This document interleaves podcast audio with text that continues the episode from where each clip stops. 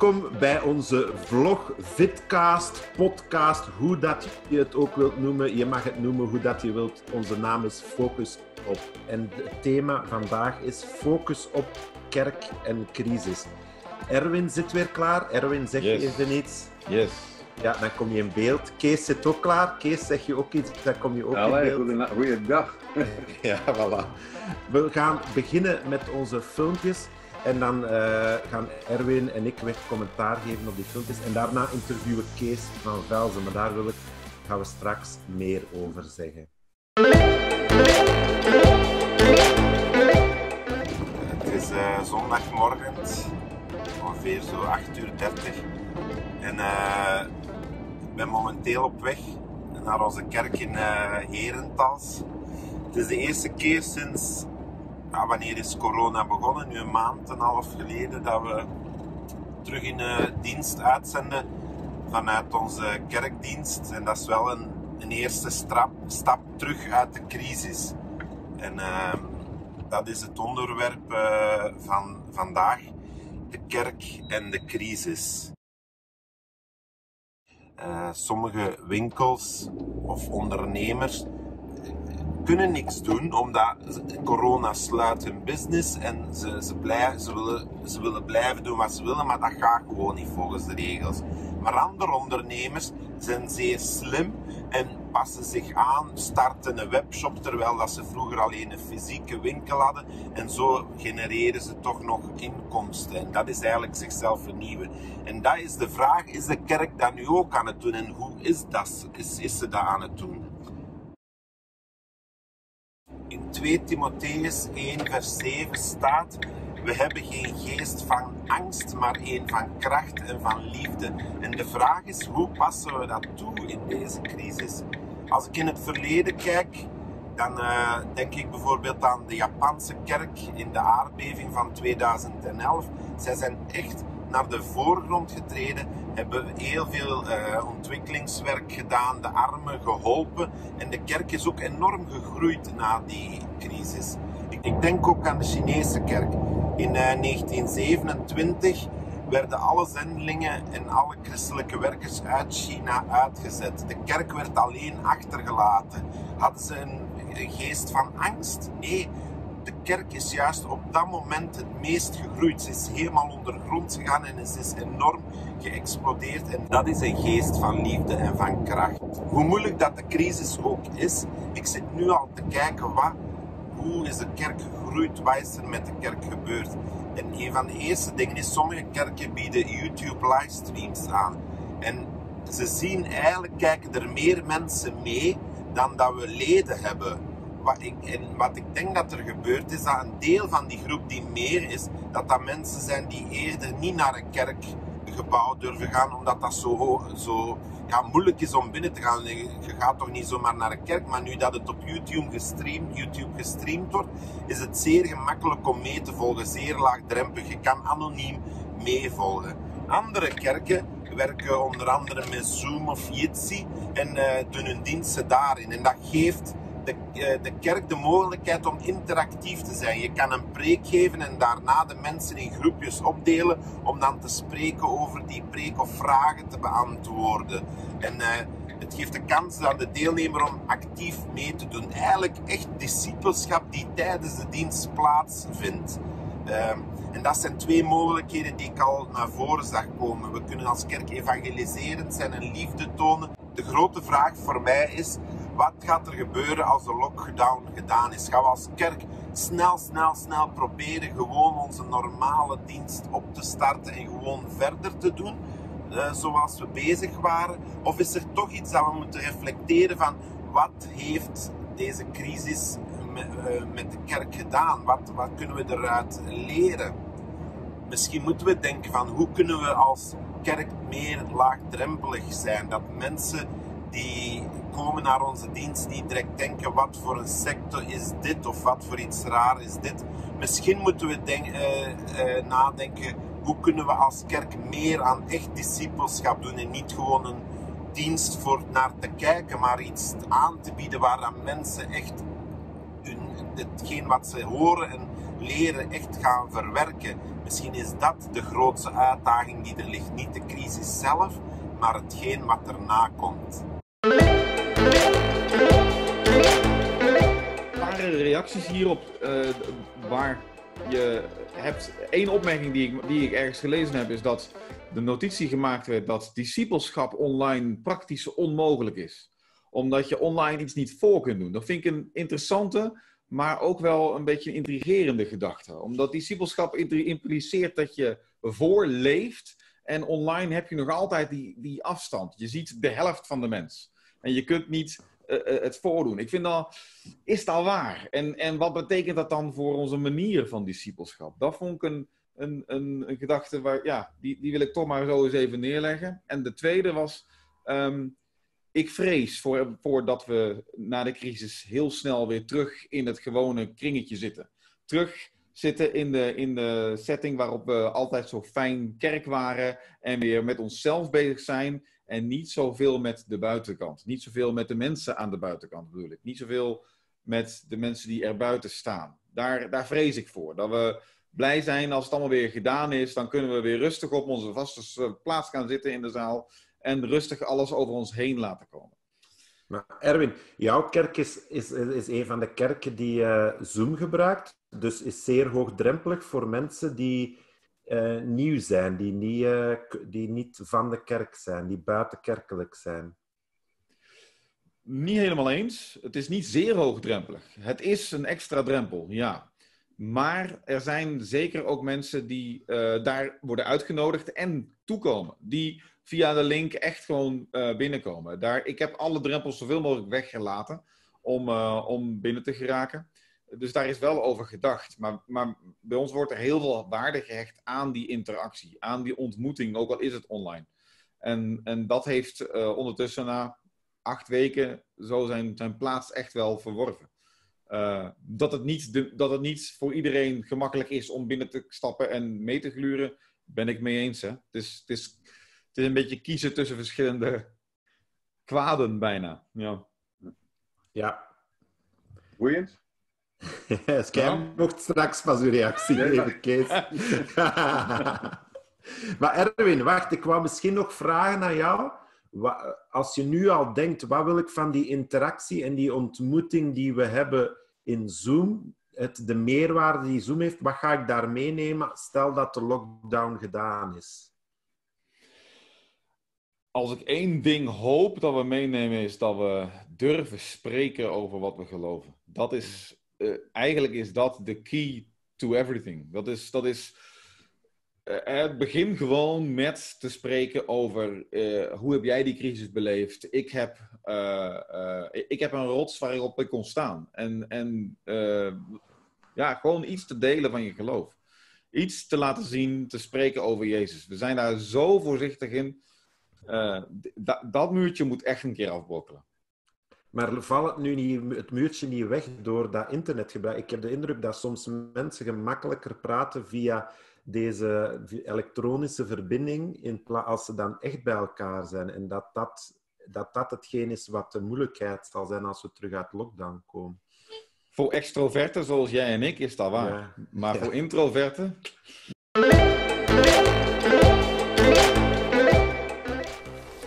Kerk en crisis. Kerk en coronacrisis. Voor veel mensen is het de vraag: waar is God? Heeft God hier iets mee te maken? Is dit een straf van God? Of, of heeft God het ook niet in de hand en laat hij het allemaal maar gebeuren? Of glipt het hem als het ware tussen de vingers door? Kun je vanuit de Bijbel eigenlijk iets zeggen over een epidemie zoals nu, waar we in zitten? Als je kijkt naar de gegevens in het Oude Testament waar sprake is van een epidemie, dan zijn het er maar weinig teksten. En er is wel een beeld wat naar voren komt uit die teksten, is dat namelijk God eigenlijk in alle gevallen de aanstichter is. Degene is die het in werking zet. Vaak gebeurt het als een straf. Denk aan David, waar David de eer voor zijn koninkrijk, voor zichzelf wil opeisen. En, en, en weten hoe goed en groot hij zijn rijk heeft gemaakt en vergeet om God de eer te geven. Als straf daarvoor gaat de pest rond drie dagen in zijn rijk. Maar denk ook aan bijvoorbeeld Egypte, waar God zijn volk juist beschermt door de Egyptenaren een plaag te geven. En een van die plagen is dan de pest voor mens en dier. Je ziet ook in bijvoorbeeld Jeremia dat God juist waarschuwt. Als jullie niet gehoorzaam zijn, als jullie niet luisteren naar mijn woorden, dan zullen het zwaard en deze ziekte, besmettelijke ziektes, jullie achtervolgen. Daaruit ontstaat een beeld van een God die straft, een God die consequenties uh, vraagt en, en verlangt van uh, gehoorzaamheid of ongehoorzaamheid. En, en die, die, dat aan elkaar koppelt. En dat is een beeld van een God die, die niet zo bij ons past. Wij hebben liever een God van liefde. Wij hebben God, uh, een beeld van God van, van liefde, van een goede vader die, die altijd voor ons klaarstaat. Moeten we dan met deze informatie ons beeld van God heel erg bijstellen? Misschien wel. Kun je vanuit het Nieuwe Testament nog iets zeggen over uh, epidemieën? Eigenlijk maar heel beperkt. Er zijn maar heel weinig teksten. En als ze al iets over epidemieën zeggen, dan is het nog in een bepaalde context. Zoals bijvoorbeeld Lucas 21, waarin er wel gesproken wordt over bijzondere tekenen eh, en beelden. En onder andere epidemieën of pestilentiën met een oud Nederlands woord. Maar Lucas 21 staat in de context van een profetie over de verwoesting van Jeruzalem en over de verwoesting van de tempel. En we weten uit de geschiedenis dat dat plaatsgevonden heeft in 70 na Christus. Kun je dan verder vanuit de Bijbel helemaal niets zeggen over ziekte en, en, en plagen zoals deze? Jawel, je kunt wel teruggaan naar Genesis en in ieder geval constateren dat ziekte en dood een onderdeel zijn van een gebroken schepping. Van een schepping die zucht onder zonde van de mens. Um, en dat is al in Genesis begonnen natuurlijk. Kun je dan verder helemaal niets meer zeggen dan dat? Alleen maar dat het er nu eenmaal bij hoort? Nou, je kunt wel ook kijken naar de rol van Jezus. Jezaja zegt over Jezus dat de straf die hij op zich heeft genomen ons de vrede aanbrengt.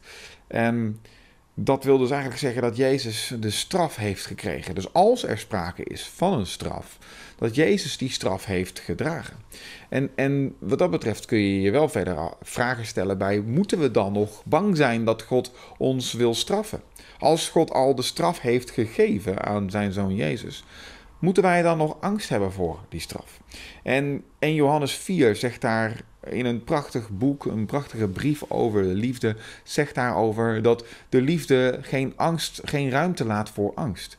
Volmaakte liefde sluit angst uit, want angst veronderstelt straf. In iemand die angst kent, is de liefde geen werkelijkheid geworden. En deze liefde gaat natuurlijk om de goddelijke liefde. Gaat natuurlijk om de liefde van God die in ons werkelijkheid wordt.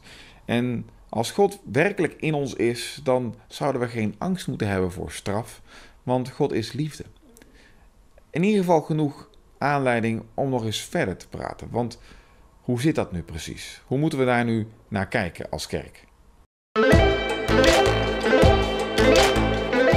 Ik heb uh, vorig jaar, vorige zomer, heb ik een uh, preek moeten schrijven voor een van de kamp, tienerkampen over lijden en God en hoe God daarin staat. En een van de dingen die mij het meest geconfronteerd of hard aankwamen was van God straft David ook. Um, en het staat er ook letterlijk dat uh, zijn zoon de ziekte krijgt van God um, en, um, en, en sterft ook.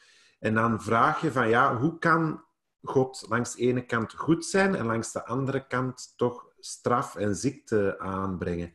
En eh, eh, dat, was ook een aanleiding met iemand voor gesprekken die zei dat kan niet, God, God kan niet straffen, God straft niet meer. Je mag dat woord niet gebruiken in je uh, boodschap, in je preek. Maar toch staat het er letterlijk zo in. En, en dat is wel confronterend en mensen kunnen daar niet mee omgaan. En dan Erwin, jij stelt de vraag, ja, straft God dan nu niet meer? Ha, ik vraag me af, laat God nog altijd niet dingen toe die uiteindelijk ja, de gevolgen zijn van ons negatief gedrag van onze zonde? En is dat dan ook geen straf? Dus dat, dat zijn allemaal vragen die in mij opkomen uh, als ik jouw filmpje kijk. We hebben bij ons de gast uh, Kees van Velzen. Hij gaat zichzelf voorstellen. Ik heb hem ontmoet op 100 jaar BZ. Eh, hij zei zelf daar juist, ik was er niet bij bij het begin, maar hij ziet er wel uit zo. Ja. Maar, Moeiteloos. Ja. ja, moeite. Maar Kees, kan je je even voorstellen, wat is jouw link eh, met België en eh, wat doe je nu? Ik, ik, inmiddels, in Antwerpen zeiden ze, alle, dat is een aapijker, zeiden ze dan, maar dus, ik ben een, inmiddels een pensionado. Ik ben 67 lentes en ja, ik ben dus, maar ik, ik doe nog van alles. Maar het bestaat vooral dan uit ja, spreken, denk ik, onderwijs en prediking. Eh, ik ben betrokken bij een aantal organisaties zoals inmiddels Via Nova, dus de vroegere Belgische Evangelische Zending. En er ligt ook een beetje mijn link met België. Dat ik echt vele jaren geleden, in de 70er jaren, dat, er, dat ik ooit van iemand te horen kreeg van er zijn conferenties, niet conferenties, maar campagnes in België.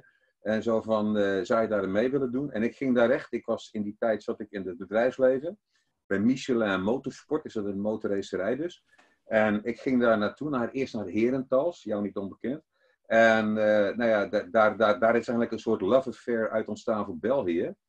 En op een bepaald moment in Turnhout deden we een campagne. En ik ben altijd nogal een man geweest van gevechtsporten en dergelijke. Daar raad ik iedereen aan. Maar goed, dus we waren daar en op een bepaald moment stonden we daar te zingen, ergens in uh, Turnhout.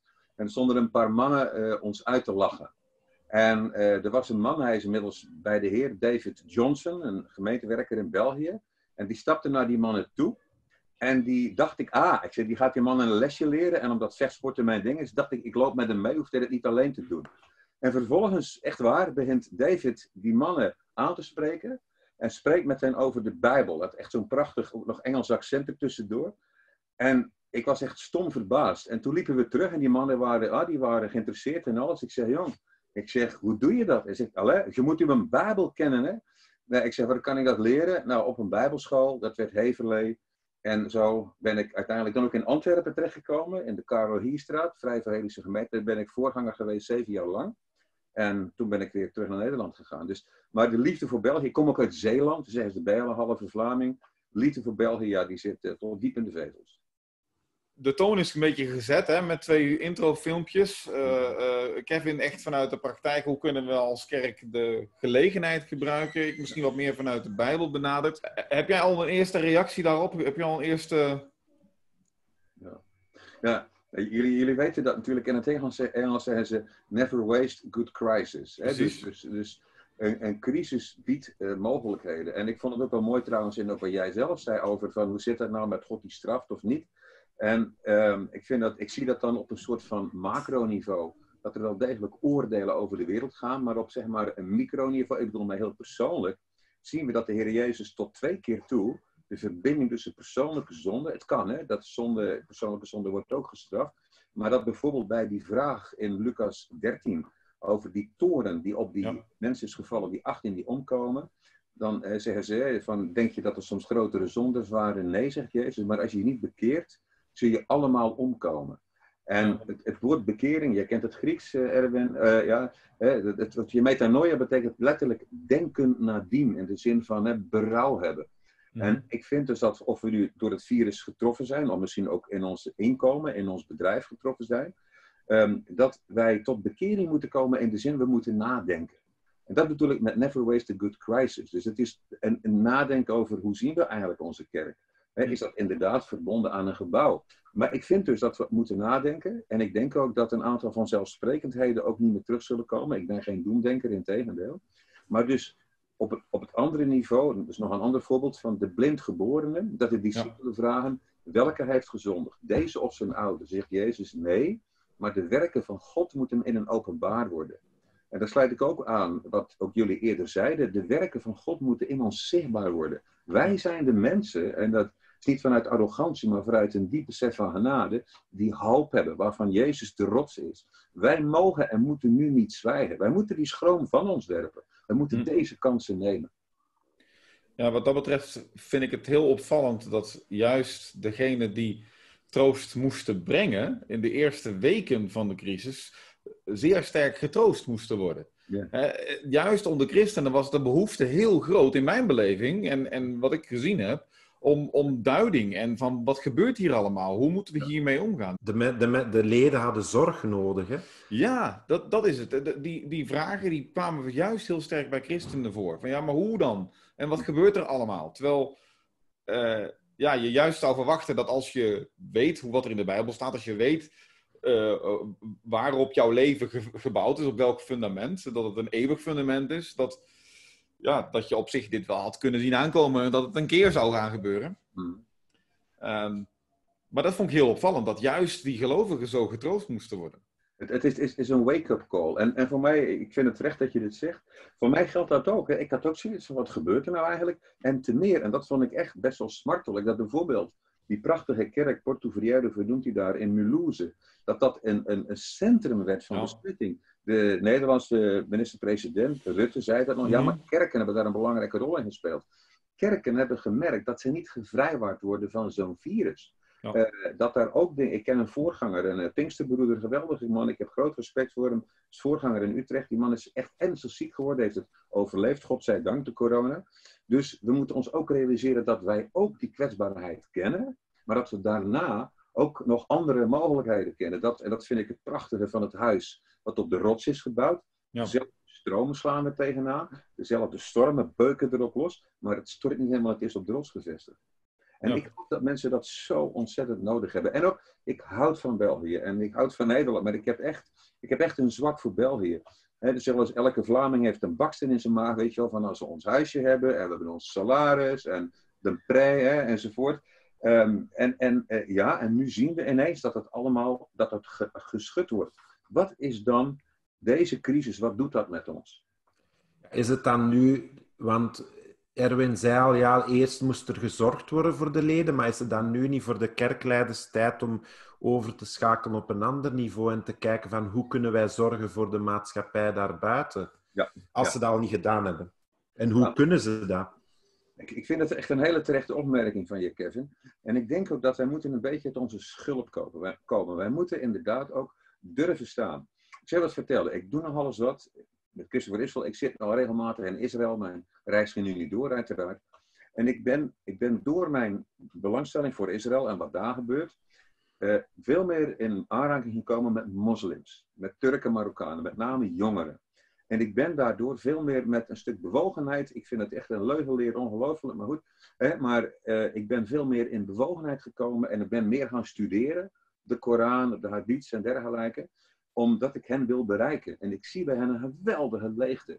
En ik zie op een bepaald moment in de gym, waar ik dan nu niet naartoe kan, maar ik hoop dan binnenkort weer wel, zijn er allerlei gesprekken mogelijk. Ik herinner aan een toespraak die ik ooit in België hoorde, van een geestelijk leider daar. En die zei op een bepaald moment, dat was Floyd McClung, die zei van op het moment hè, dat als jij, dat zei hij tegen eh, ons als, jij bent geen Vlaming, maar als halve Vlaming, zat ik erbij die zei: Bid je ook voor de plek waar je geplaatst bent? En ik dacht, ja, mijn voorganger in Antwerpen, natuurlijk bid ik ervoor. Maar toen dacht ik, maar wacht even. is een andere plek de gym in de Bosstraat op Kiel in Antwerpen. Ik zeg, bid ik daarvoor? En ik zat net in een soort crisis, want ja, ik zag er allerlei dingen gebeuren die niet oké waren en dit en dat. En daar ben ik toen, daar, heb ik, daar ben ik voor gaan bidden. Heer, doe hier. Heer, verander. En toen kwam dus, en dat was Antoine noemde hij, de maffe Twan eh, noemden ze hem. En die vroeg toen aan mij, echt, die wilde mij spreken. En die zegt, hoe kan Jezus mijn leven veranderen? In de gym daar zo, weet je wel? Ik weet nog precies.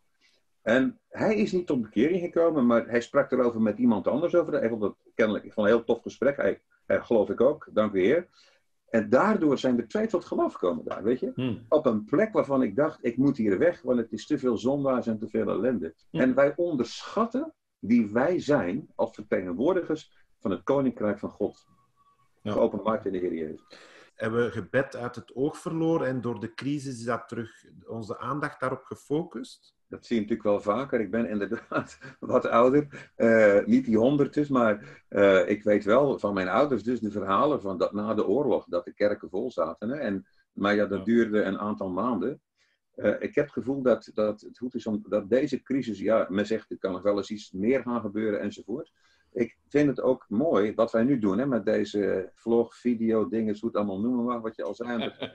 hè, van, um, dat je ziet dat, uh, het, het, ik vind het mooiste, we noemen dat ook omroepen. Hè? Je roept het om. Hmm. In het Engels, dat weten jullie wel, hè, de BBC, Auntie, is de British Broadcasting Corporation. En to broadcast betekent letterlijk breed werpen. En als de Heer Jezus, hè, Matthäus 24 kwam nog even langs, als de Heer Jezus zegt dat als het evangelie van het koninkrijk, hè, de autoriteiten, wordt gepreekt tot een getuigenis voor alle volken, dan zal het einde gekomen zijn.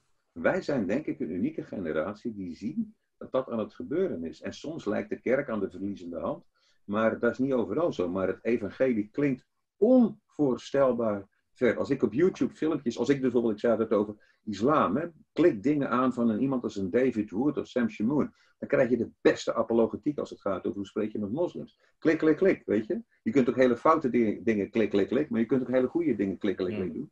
En dit biedt ons kansen. Dus ik geloof letterlijk, broeders, ik geloof in de... Ik, ik ben, ehm, wat ik zelf heel sterk merk, is dat mensen niet zo goed durven spreken, omdat ze bang zijn dat ze ook meteen op alles een antwoord moeten hebben. nou is dat natuurlijk, zelfs voor theologen die, de, die de, de gedachte kunnen hebben dat ze overal een antwoord op hebben, is dat natuurlijk niet het geval. Ga nou eens gewoon alleen maar vanuit je eigen, eigen ervaring die uitnodiging doen. Joh, ik heb een andere weg om het leven, in het leven te staan. Ja, en ik, vind het mooi. Het woord vrijmoedigheid betekent alles zeggen. Ik zie dat mensen ook over de meest bizarre flauwekul en occulte mm. rotzooi met veel vrijmoedigheid spreken. En, en wij houden ons mond dicht.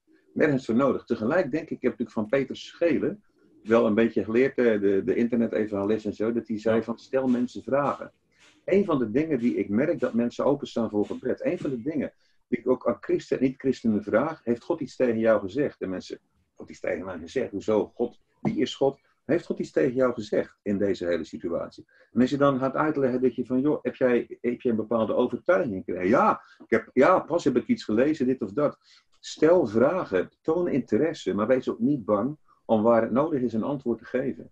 En je ontmoet mensen, de een die zal je, nog, die zal je bereiken met hè, het, geloof in het kruis, weet je wel.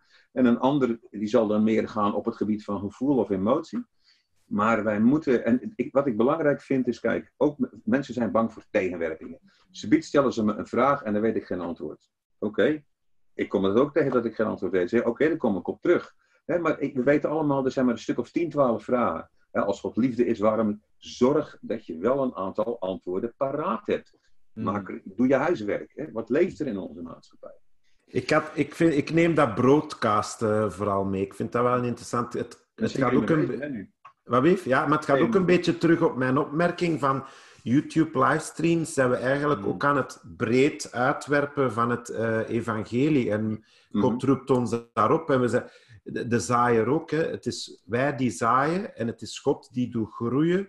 Het zijn niet wij die doen groeien en we moeten onze verantwoordelijkheid daar durven opnemen, ook in deze periode en de juiste kansen zien waar we breed kunnen werpen, broadcasten in deze periode. En dat dat een oproep is, dat we onze ehm, leden, dat leiders, de kerk of leden oproepen om dat te doen.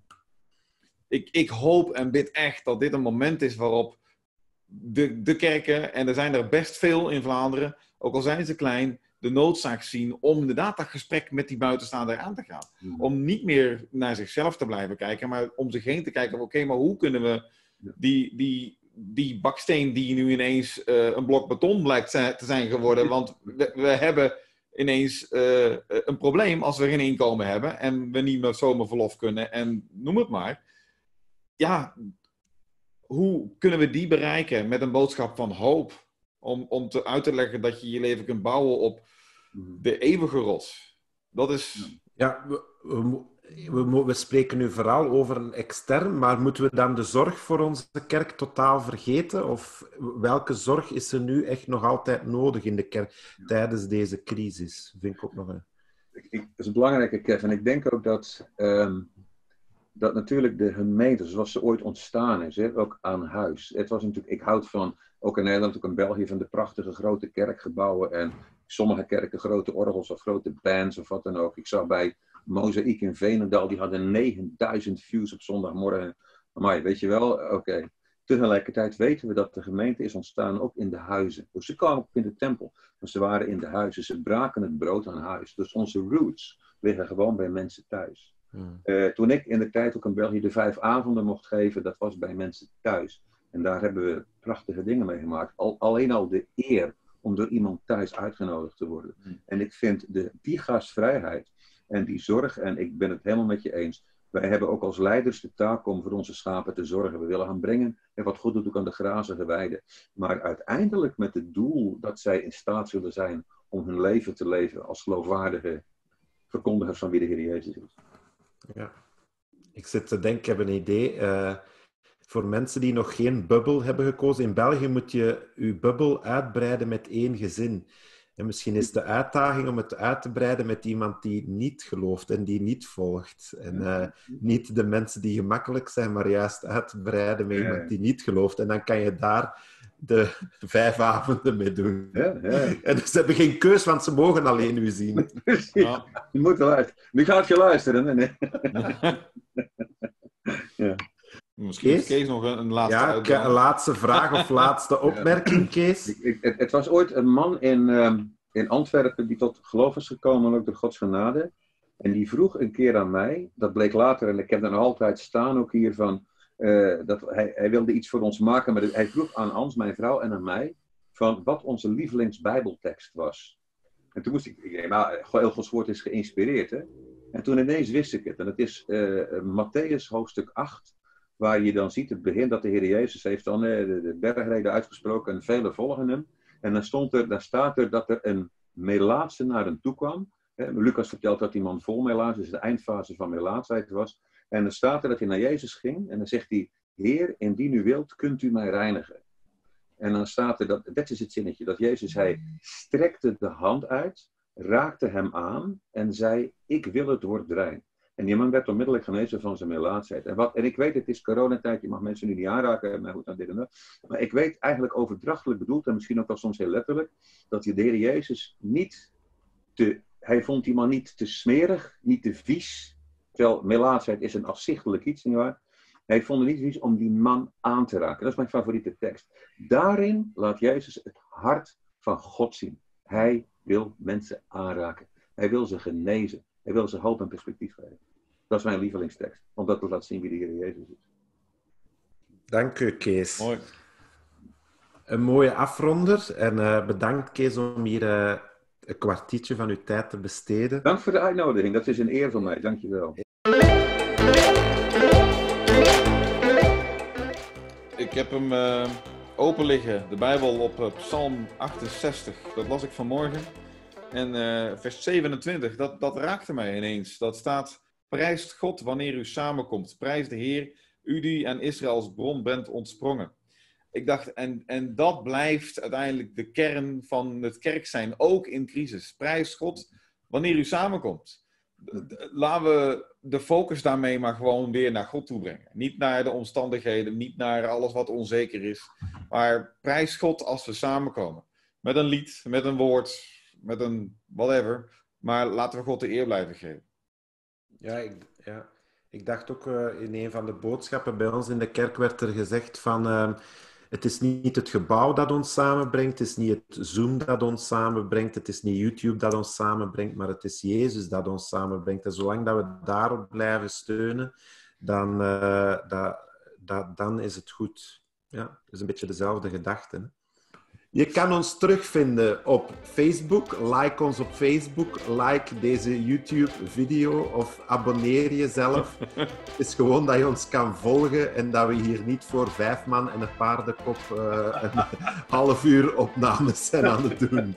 Tot de volgende keer. maar, Salut! wel leuk is, man. hè. Ja, salut. Stroois is in Antwerpen.